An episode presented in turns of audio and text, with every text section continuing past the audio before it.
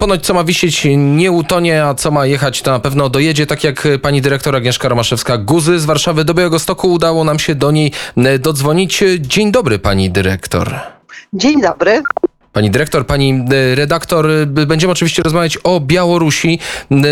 E, słyszymy ostatnio głosy z Unii Europejskiej, która szykuje, słyszymy od jakiegoś czasu, sankcje za prześladowanie Polaków na Białorusi. Przez prześladowani są Polacy, polscy dziennikarze, ale prześladowani są też także redaktorzy telewizji Bielsat, tak jak dwie dziennikarki, które już prawie od pół roku siedzą w więzieniu. Tak, no to zresztą sankcje no, nie są tylko spowodowane, czy też zaostrzenie sankcji, które są, stosunkowo na razie bardzo na razie słabe, no nie jest spowodowane wyłącznie kwestią e, represjonowania Polaków na Białorusi. Tam te represje już od e, no, dłuższego czasu się nasilają. To bym powiedziała, że właściwie należy to nazwać chyba terrorem i to już nie jest tylko puste słowo. To znaczy tam rzeczywiście panuje terror.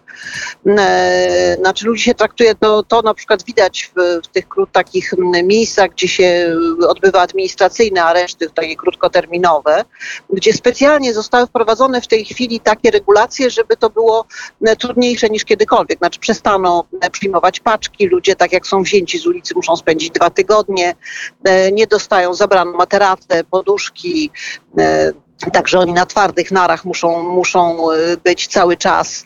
Y, naprawdę warunki są bardzo, ale to bardzo trudne i nieprzyjemne. No a jednocześnie ileś osób jest po prostu skazowanych na długoletnie więzienie, tak jak, tak jak właśnie mm, w tym przypadku na dwa lata nasze, nasze dwie dziennikarki Bielsatu. Jeśli chodzi, jeśli chodzi o Związek Polaków, no to te pięć osób cały czas jest jeszcze nie, nie ma mowy w zasadzie o żadnym procesie, o niczym jeszcze do tej pory nie słyszeliśmy. Oni są po prostu trzymani. Nie wiadomo do końca, o co to ma chodzić z tym propagowaniem nazizmu, to jakiś kompletny absurd.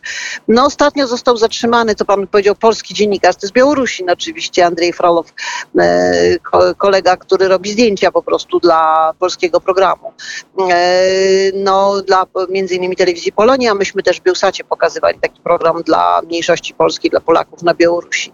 E, także sytuacja jest naprawdę, nie, naprawdę fatalna. I ja jednej rzeczy nie mogę pojąć, dlaczego wciąż jeszcze nie są ogłoszone sankcje, już nie gospodarcze, sankcje w stosunku po prostu do aparatu represji, do wszystkich tych osób z aparatu represji.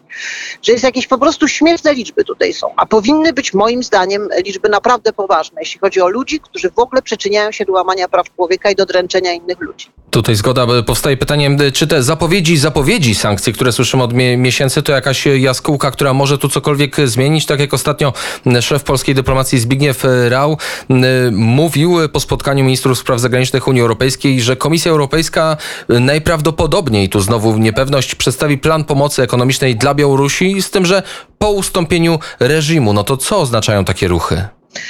Czy to są tylko no to słowa? są dwie to są dwie różne sprawy, to znaczy sankcje to jest jakby sprawa na teraz i no, wygląda, że Unia Europejska jest bardzo do tego niechętna, ale jednak no cóż, no jakoś tam trzeba się liczyć też z opinią publiczną, w związku z tym, e, w związku z tym jakieś elementy tego są robione. No niewątpliwie Polska i zresztą nie tylko Polska, też Litwa, e, w ogóle kraje regionu no, są jakoś bardziej zainteresowane, naciskają na to, żeby coś tutaj zrobić.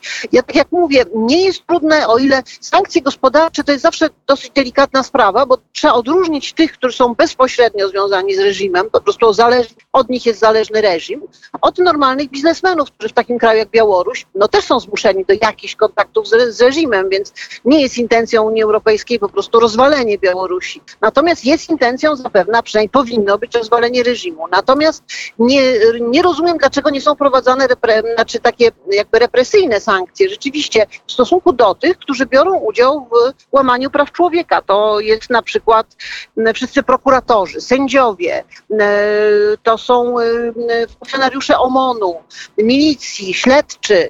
Wszystkie te osoby, albo w dużej części one są znane z nazwiska. Dlaczego one wraz z rodzinami nie są Zresztą Tutaj muszę powiedzieć, że połączone komisje polskie spraw zagranicznych i e, łączności z Polakami za granicą e, jednogłośnie opowiedziały się za takimi sankcjami. Natomiast jeśli chodzi o sam o program gospodarczy dla Białorusi po Łukaszence, to to jest taki, to to jest zresztą polska inicjatywa, to jest inicjatywa premiera Morawieckiego, który uważał, że żeby próbować walczyć, trzeba mieć jakieś światełko w tunelu, znaczy trzeba mieć jakąś perspektywę, co dalej. No dobrze, walczymy, zwalczamy Łukaszenkę i co dalej?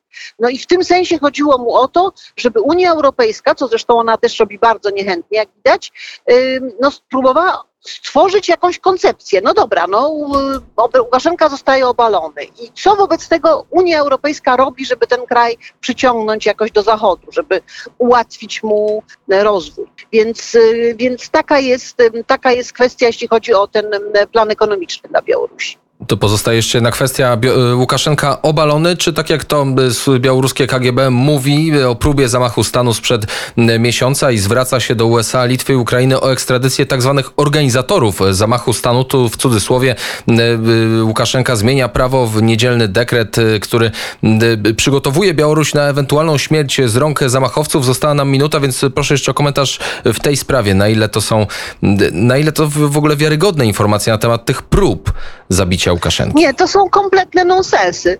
To są kompletne nonsensy. Pytanie tylko, czy, czy jest w tym element rosyjskiej prowokacji. Jakoś Łukaszenka w to wierzy, ale nie sądzę. Myślę, że nie. Myślę, że tutaj ani jedna, ani druga strona w to nie wierzą. E, Natomiast jeśli chodzi o samo przygotowywanie tego dekretu na wypadek, e, gdyby nastąpił zamach na prezydenta, no to moim zdaniem to jest wymuszone już po prostu przed naciskiem Rosji, bo, e, no bo jakieś pomysły na zmianę sytuacji no Łukaszenka jest zmuszony przygotowywać pod naciskiem Putina, który na razie oczywiście go wspiera, no bo co ma innego robić, to najlepsze, co dla niego w tej chwili jest. No ale generalnie uważa, że chciałby mieć jakieś pole manewru, jakąś możliwość manewru i do tego zmusza Łukaszenkę w tej chwili. Więc tu postawimy e, trzy kropki i gnamy dalej, bo za chwilę e, wiadomości, a e, gość Kuriera w Południe, dyrektor telewizji Bielsat Agnieszka Romaszewska-Guzy gna z Warszawy do Białego Stoku szerokiej drogi. Dziękuję za rozmowę Dziękuję bardzo. i do usłyszenia.